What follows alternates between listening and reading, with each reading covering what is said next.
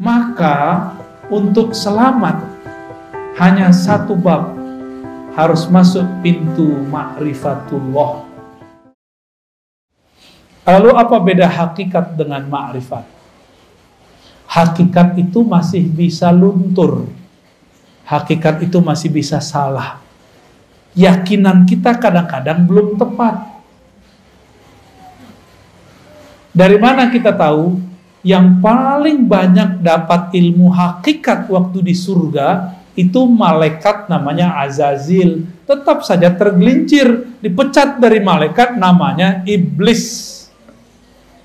Iblis itu ahli hakikat. Dengan ilmu hakikatlah dia menyesatkan orang-orang ahli zikir yang tidak berguru. Pernah berguru terus ninggalin gurunya. Pernah bermajlis lalu keluar dari majlis Orang-orang begini dicaplok sama iblis. Apa kata iblis? Zikir kamu keren ya. Karena zikir kamu banyak orang sembuh nih. Kamu sebenarnya mursyid yang lebih sakti daripada gurumu. Mulai terbersit. Kita lebih sakti dari guru. Tuh, kena tuh dah. Pernah nggak ngeliat ada orang begitu? Ya, murid kiai besar buat tarekat baru. Ini nasib dia ini. Keluar dia dari halakoh.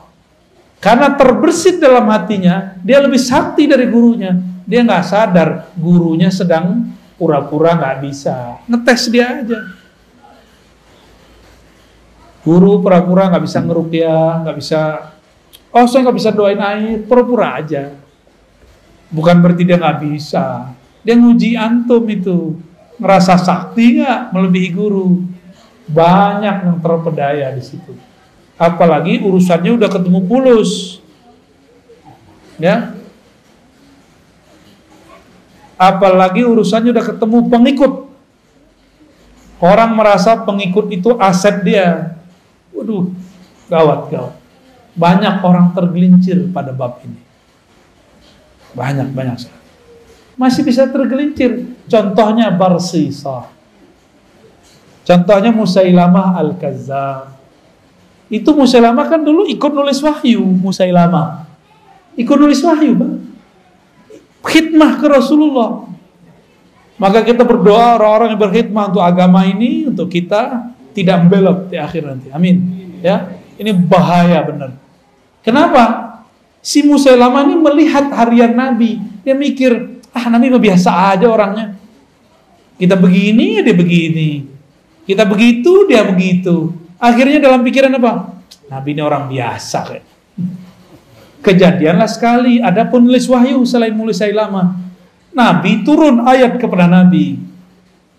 Tapi Nabi gak bacakan semua. Nabi masih tertegun, keasikan membaca ayat. Si penulis wahyu ini diizinkan Allah terbuka tarbir rohaninya. Dia dengar Jibril baca ayat surat Al-Mu'minun itu tentang penciptaan penciptaan alam, penciptaan tubuh kita. Fatabarakallahu ahsanul khaliqin. Dengar dia. Terus dia konfirmasi ke Nabi, "Ya Rasulullah, lanjutan ayatnya ini bukan. Saya barusan dengar ada Jibril baca." Kata Nabi, "Benar." Dalam hati terbersit sama dia. Gini doang ilmu guru gua. Gini doang makomnya Rasul. Saya juga bisa maka orang ini jadi nabi palsu. Kalau murid jadi mursyid palsu. Buat tarekat palsu. Karena dia merasa dia bisa mengakses apa yang diakses gurunya. Dia kira gurunya cetek ya. Ini sering terjadi di semua halakoh. Di semua torikoh. Ya. Maka untuk selamat hanya satu bab harus masuk pintu ma'rifatullah